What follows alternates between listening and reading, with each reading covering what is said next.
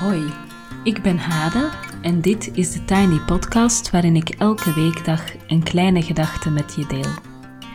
Vandaag is het 27 mei 2021 en de kleine gedachte gaat over voeding en dan het mentale soort. Hehe, het is mijn eerste werkdag deze week en het is dus al donderdag. Op maandag was het Pinksteren, dinsdag was er de gevreesde pedagogische studiedag, die voor mij toch wat uit de lucht kwam vallen. En gisteren was er tandartsbezoek en de middag samen met de kinderen. Het is een beetje overweldigend dat er dan meteen zo een stapel ligt van alles. En ook dat ik het gevoel heb even achterop te hinkelen, bijvoorbeeld ook met de podcast. Maar hier zijn we klaar om bij te benen. Het was een drukke periode de laatste tijd en ik vrees dat het onvoorspelbare en de onregelmaat nog een tijdje in mijn leven zullen blijven. Vorige week donderdag had ik een fijn gesprek met een vrouw die me iets zei, ik weet het niet meer letterlijk, uh, maar het was iets in de trant van. Wij zijn vrouwen die een deel van de week moeten kunnen lezen, denken, de diepte ingaan en dat moeten we incalculeren in ons werk voor organisaties. En hoewel ik dat dus al lang wist, namelijk dat ik zo een deel van de tijd nodig heb om mij te voeden, om een soort basislaag in mijzelf te blijven voeden en te blijven uitbouwen, um, werd dat besef ook nog een keer heel goed wakker in mij doordat zij dat zo expliciet zei. Om te doen wat ik doe en me, mijzelf dus een beetje mij te blijven voelen, heb ik waarschijnlijk buitensporig veel voedingstijd nodig. En dan bedoel ik niet dat ik dus uitgebreid ga lunchen, maar wel dat ik echt moet leren en lezen. In de banen die ik vroeger had, was dat nooit echt ingecalculeerd. Of misschien ben ik dat helemaal vergeten. Uren schrijven deed je op projecten en die moesten dan facturabel zijn. Uh, en natuurlijk ging ik geen uren waarin ik een boek had gelezen opschrijven wat dan moest gefactureerd worden aan een organisatie, want dat leek mij ook helemaal niet oké. Uh, en dan was er de categorie overhead, herinner ik mij, waar dan de niet-facturabele uren in kwamen. Um, maar ik herinner mij niet dat het de bedoeling was dat bijvoorbeeld het lezen van boeken of het aangaan van goede, diepe gesprekken met collega's of met andere interessante mensen, uh, dat dat ergens in die categorie overhead of in een aparte categorie bijvoorbeeld thuis hoorde. Toen ik zelfstandige werd, uh, ja, dat is zo'n moment dat je dan enerzijds bang bent en anderzijds zo denkt van nu ga ik alles doen zoals ik het wil, want nu heb ik geen baas meer en ik ben zelf de baas. Uh, dus toen ik zelfstandige werd, was mijn idee dat die categorie lezen, leren, voeding, dat die er natuurlijk helemaal zou kunnen zijn. Um, maar ook al heb je dan geen baas meer, als zelfstandig heb je natuurlijk verschillende bazen in de zin van dat je opdrachtgevers hebt die dingen verwachten en daar moet je natuurlijk je werk voor doen. Uh, dus in die zin, um, ja, is dat hele idee dat je dan geen baas meer hebt en gewoon je zin kan doen, geldt alleen maar als je ook onbeperkt middelen hebt om jezelf te vergoeden voor het doen van je zin. Anders moet je toch ook echt wel opdrachten aannemen en zorgen dat er uh, brood op de plank komt. Um, en dan nog kan je natuurlijk wel incalculeren dat je die voeding, lezen en leren tijd hebt. Maar natuurlijk slaat het leven heel vaak even op hol. Als je bijvoorbeeld, ik zeg maar iets, kleine kinderen hebt, in de coronatijd uh, bent en als je ook verschillende projecten hebt lopen. En daarbij komt voor mij ook dat ik niet altijd een heel stabiele energie heb. Ik kan bij momenten heel veel doen, heel hard werken. Um, maar er komt er ook altijd een periode dat ik heel moe ben. Um, dat kan getriggerd worden door een aantal slechte nachten bij de kinderen. Uh, of door de kinderen, door bijvoorbeeld ook uh, een grote klus, uh, door iets in mijn gezondheid. Dus verschillende triggers kunnen ervoor zorgen dat ik tijdelijk ook even veel minder kan en dat het allemaal ook even op een lager pitje gaat. Gisteren zei ik ook al dat ik uh, me even ook wat wiebeliger voel, minder connectie heb met mezelf. En mogelijk heb ik dus een aantal tekorten die ik moet aanvullen. Vitamine boek en vitamine leren en lezen, denk ik. Maar tegelijkertijd was er de laatste tijd ook best wel wat wat ik wel tot mij heb genomen. Uh, voeding die er wel was. En ik wil graag drie dingen delen. Ten eerste, ik heb een artikel gemaakt voor Femma Magazine. Komt binnenkort uit over parentale burn-out. En dat is dus de burn-out die je niet hebt door te werken, maar door de zorg voor je kinderen. Ik werk heel graag als journaliste, ook al heb ik recent zelf besloten om dat ook wat um, in te perken. Um, maar ik werk op zich graag als journaliste omdat ik het extreem interessant vind om in een thema te kunnen duiken en verschillende perspectieven te zien en te verkennen. Ik interviewde twee mama's over hun parentale burn-out. Ik sprak met Bieke Gene, die het boek Hoogsensitief Ouderschap heeft geschreven, en met Noemi Willemme, die velen kennen van de blog Le Coeur Amaré Pas. Wat mij opviel aan de verhalen van de mama's waren een aantal terugkerende elementen zoals een kort lontje krijgen, agressief worden naar de kinderen toe. Eén mama vertelde dat ze een soort monsterversie van zichzelf was geworden, maar ook het onvermogen hulp te vragen of te krijgen vanuit de omgeving en het onvermogen duidelijk te maken hoe het echt gaat. En als het over onvermogen gaat, dan heb ik het niet over onvermogen bij die personen, maar ik denk dat dat onvermogen ook binnen een context plaatsvindt waarin het niet zo don is om aan te geven dat het niet makkelijk gaat, dat het moederschap zwaar valt, dat die roze wolk tegenvalt, dat het allemaal complexer is, dat dat slaaptekort heel erg erin hakt enzovoort. Dus ik denk dat dat onvermogen niet per se onvermogen van die individuele mensen is, maar echt onvermogen maatschappelijk uh, gezien. Wat mij ook opviel was een grote afwezigheid van een tribe, een, een groep mensen die dragend kan zijn in een periode van bijvoorbeeld grote uitputting of uitdaging. En wat me ook heel erg opviel, was dat het niet goed kunnen afstemmen op een kindje, bijvoorbeeld omdat je er twee tegelijk krijgt, na een premature geboorte of een dismature geboorte, of een kindje met een niet gevonden medisch probleem dat dus veel pijn heeft en veel huilt. Dat dus verschillende redenen waarom je niet goed kan afstemmen op je kindje. Um, dat die automatische, vanzelfsprekende connectie eigenlijk niet, niet goed tot stand komt, dat dat een extreme stressfactor is voor moeders. En dat herken ik helaas zelf ook heel goed. Ik kon met één baby tegelijk heel goed afstemmen, dus ik had ook heel veel vertrouwen dat ik um, nog een kindje wel zou kunnen. Um, ik had zo, zeker met Isaac, heel erg dat symbiotische.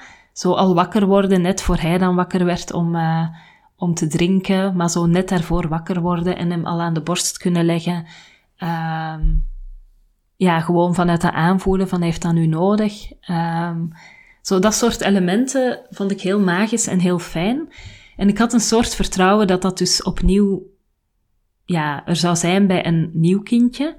En toen kreeg ik dus twee kindjes tegelijk en merkte ik dat die afstemming veel complexer was, omdat ze met twee waren, maar ook omdat uh, de baby's dismatuur waren, of zeker Jutta. En zich, Jutta ontwikkelde zich natuurlijk ook anders uh, dan andere baby's. Dus in die zin ken ik die stress van het niet goed afgestemd geraken en de extreme vermoeidheid uh, heel goed. Um, en denk ik dat zo de natuurlijke beloning van het ouderschap, dat die voor mij met die tweeling heel afwezig is geweest en nog steeds is, uh, waardoor ik het nog steeds als heel zwaar uh, ervaar. Um, wat mij ook raakte in dat hele onderzoek, ik, ben, ik heb echt best veel tijd gespendeerd uh, aan dat artikel, veel meer tijd dan ik daaraan zou mogen besteden, realistisch gezien. Maar ik heb ook dus Noemi Willemen geïnterviewd, die wat een bredere maatschappelijke kijk had en die uh, onder andere benoemde dat er heel veel verantwoordelijkheid ligt bij de individuele ouder en zeker de moeder om van het ouderschap geslaagd ouderschap te maken met een goede hechting, een race aan bewuste keuzes. Hè? Dus elk, alles wat je doet is eigenlijk een bewuste keuze met je kindje. Um, en dat dan eigenlijk die druk om van je kind het best geslaagde, meest gelukte kind te maken, dat dat eigenlijk heel erg nu bij het individu ligt.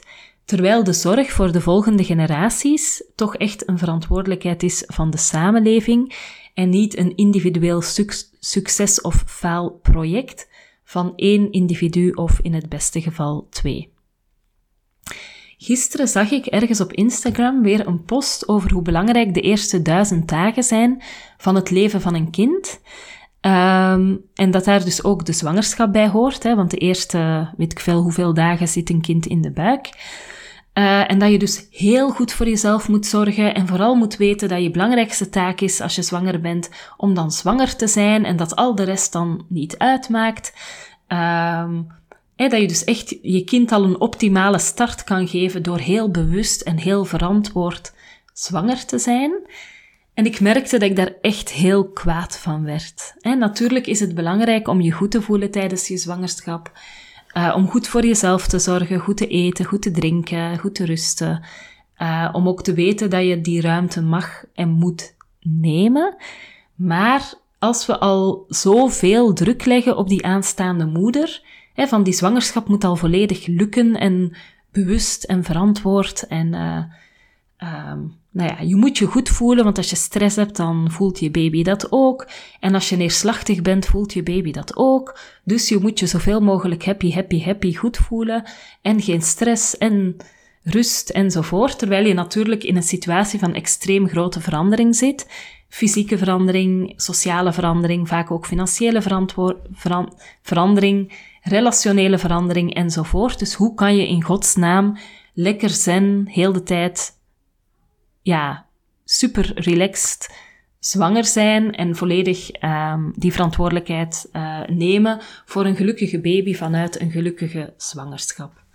Natuurlijk is het dus belangrijk dat je wel goed voor jezelf zorgt als je zwanger bent, maar ik zou het echt heel fijn vinden als we uh, in plaats van moeders op te roepen, vooral geen stress te hebben en de juiste dingen te eten en uh, zich goed te voelen en elke depressieve gedachte uit te bannen, uh, dat we in plaats van alles op haar bordje te leggen, dat we eigenlijk een oproep zouden, zouden doen aan de samenleving om te zorgen dat jonge ouders geen financiële stress hebben, dus inkomensverlies naar aanleiding van zwangerschaps- en bevallingsverlof. Ja, dat, zou eigenlijk, dat is eigenlijk jammer dat dat er is. Um, dat we eigenlijk als samenleving ook moeten kijken dat er minder isolatie is. Ik vond dat hele zwanger zijn en pas bevallen heel eenzaam. En toen was het zelfs geen coronatijd. Uh, maar ook een goede luchtkwaliteit, goede huisvesting, goede postnatale zorg voor de moeder. Uh, vind ik ook echt een heel belangrijk item. Vanaf dat het kindje geboren is, kijkt iedereen naar de baby. En dan is het welbevinden van de moeder, of zij terug in balans geraakt, of haar hormonen terug in balans komen, of zij zich niet te uitgeput, niet te eenzaam voelt, hoe het mentaal met haar gaat, daar wordt eigenlijk niet meer naar gevraagd. Um, dus ik zou het echt heel fijn vinden. Ik merk dat ik hier nogal intens over praat, maar ik zou het echt heel fijn vinden als ja, in plaats van zo de verantwoordelijkheid nog een keer extra bij de moeder te leggen, dat er toch echt zou gezegd worden van als samenleving hebben we een zorg te dragen voor die mama to be, die dus uh, liefst in optimale omstandigheden zwanger kan zijn en kan bevallen. Voilà.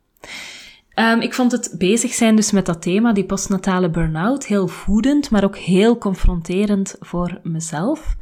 Ik heb er uiteraard veel te veel tijd in gestopt. Ik heb denk ik alleen al um, vijf uur interviews afgenomen. Um, nou ja, veel te veel, hè, want daarnaast had ik ook nog het schrijven en het analyseren en allerlei andere dingen. Uh, maar ik vond het dus wel heel voedend en ik merk dat ik nog heel veel bezig ben met die thema's. Uh, dat dat thema echt nog doorzindert in mijn leven en mijn denken ook weer echt heeft gevoed. En niet alleen mijn, denken, maar ook echt mijn voelen. De verhalen van de twee mama's die bereid waren om met mij in gesprek te gaan over dit thema, die heb ik echt heel diep doorvoeld en die hebben mij ook echt heel erg geraakt. En op die manier ook weer gevoed. Dus dat was één. Wees gerust, de tweede en de derde zijn minder uh, lang. Uh, de tweede waar ik mij de laatste tijd mee voed. Uh, ik ben de laatste tijd veel aan het lezen. Ik heb zo periodes dat ik meer Netflix en periodes uh, dat ik meer podcasts luister. En de laatste tijd heb ik best wat gelezen.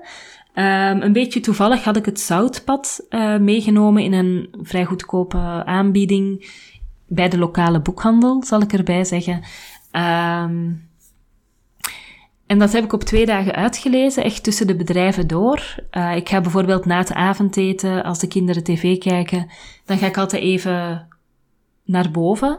Ga ik even lezen, omdat ik overprikkeld geraak van dat geluid van de tv. En ik inschat dat ik dan wel gemist kan worden. Dus Pieter is dan beneden met de kinderen en ik ben dan even alleen.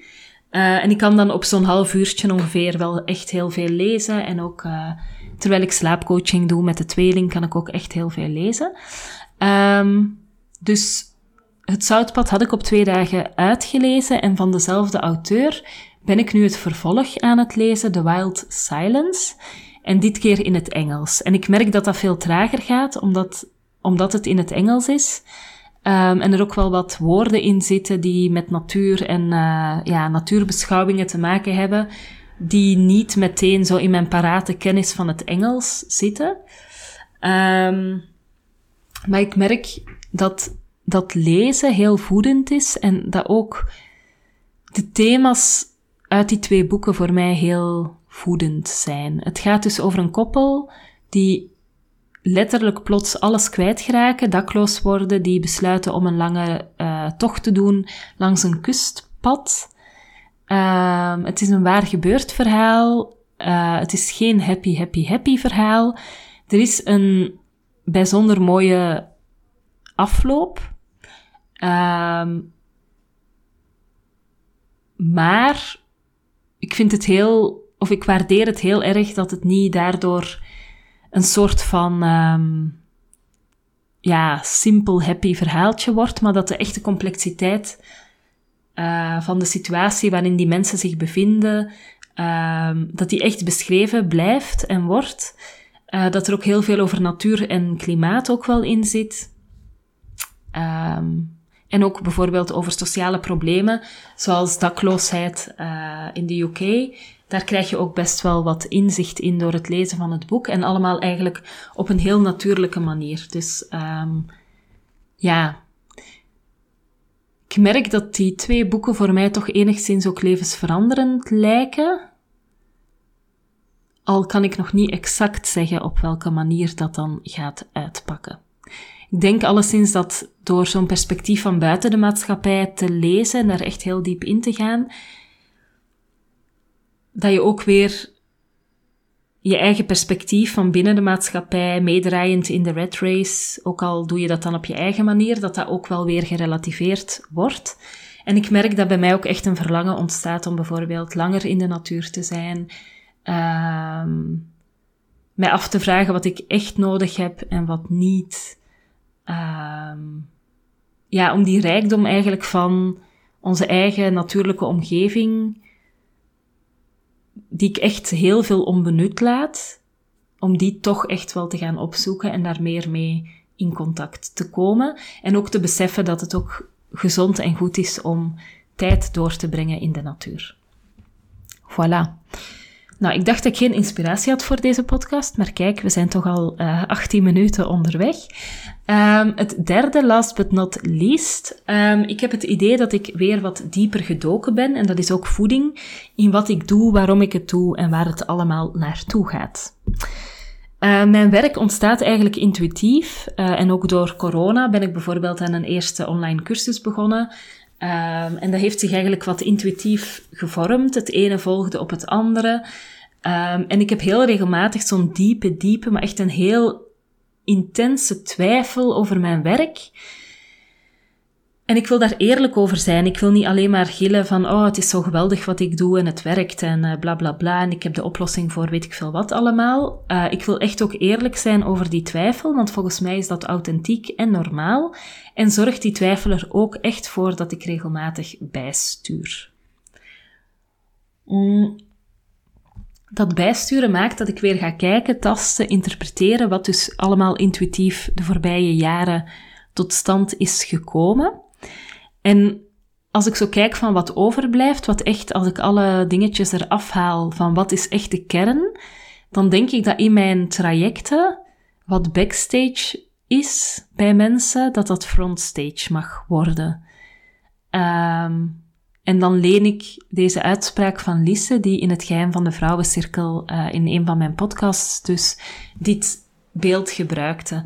Um, ik zie bijvoorbeeld, voorbije weken was ik met een groep aan het werken rond de innerlijke criticus. En ik zie dat daar mensen dingen uitspreken die in hun hoofd leven, die ze, waar ze mee worstelen, waar ze mee bezig zijn, wat dat ze denken.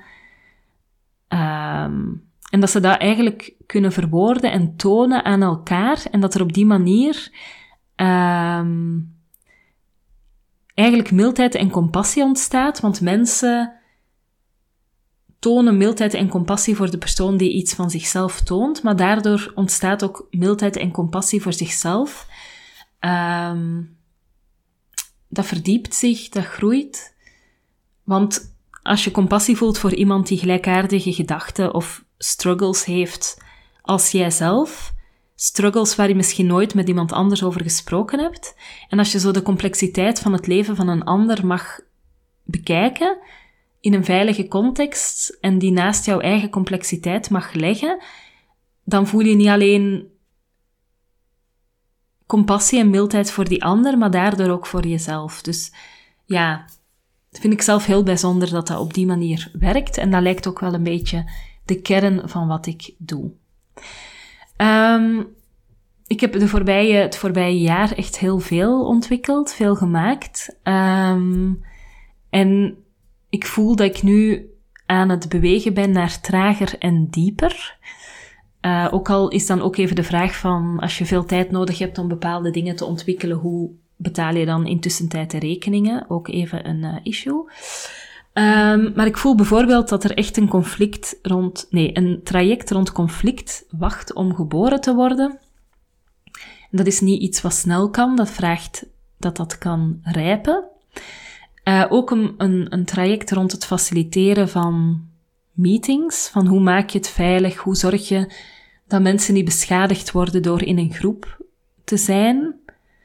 Uh, ook daar voel ik dat dat niet een soort van snel georganiseerd workshopje kan zijn, maar dat dat echt ook vraagt om te rijpen en om dieper en ja, ja, op een dieper level zeg maar te mogen ontstaan.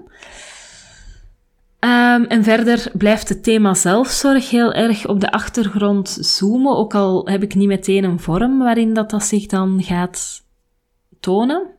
Dus daar ben ik een beetje ja, nieuwsgierig naar van wat gaat daar komen.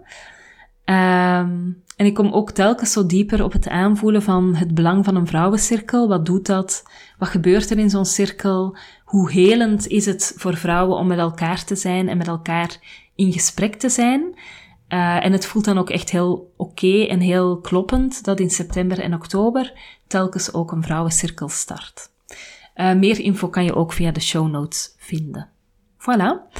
Tot daar um, de Tiny Podcast voor vandaag, uh, waarin ik het had over zo het belang van voeding, van in thema's te kunnen duiken, van dingen tot je kunnen nemen die dan doorwerken in wat je doet en maakt. Um, ja, ik wil jullie nog uitnodigen voor twee dingen. Volgende week op 1 juni start de cursus 30 Days of Morning Pages. En dat is een traject waarin je uh, dagelijks drie bladzijden schrijft, um, om eigenlijk de diepere lagen in jezelf te ontdekken, er contact mee te maken en ook comfort daarbij te vinden. Um, je kan meedoen aan de versie met of zonder meetings. En in de versie met meetings hebben we wekelijkse meeting op um, um, woensdagavonden, waarin we het met elkaar ook hebben over het proces. Hoe is het om dat contact met jezelf te bouwen, om die diepte op te zoeken, om geconfronteerd te worden met dingen van jezelf.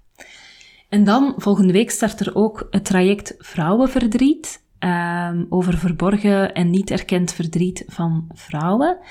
Ehm, en dat is een traject van vijf weken waarin via creatieve vormen, uh, gesprekken, uh, wekelijkse meeting ook met andere mensen samen, um, gekeken wordt naar een niet erkend verlies en verdriet wat je meedraagt. Omdat verlies en verdriet eigenlijk vragen dat er tijd en ruimte zijn, uh, dat het erkend wordt, dat het vorm mag krijgen. Um, en het is eigenlijk een bijzondere soort cirkel uh, rond thema's verdriet en verlies. Ik nodig je van harte uit om een kijkje te nemen um, in de show notes om meer te lezen over dit traject dat ook volgende week start. Tot zover de Tiny Podcast van vandaag. Je kan me volgen op Instagram, TheTinyPodcast. Je kan je abonneren via Google of Apple Podcasts of in een andere app. En dan krijg je altijd de nieuwste aflevering in je overzicht. En dat is dus elke werkdag, weekdag, ja.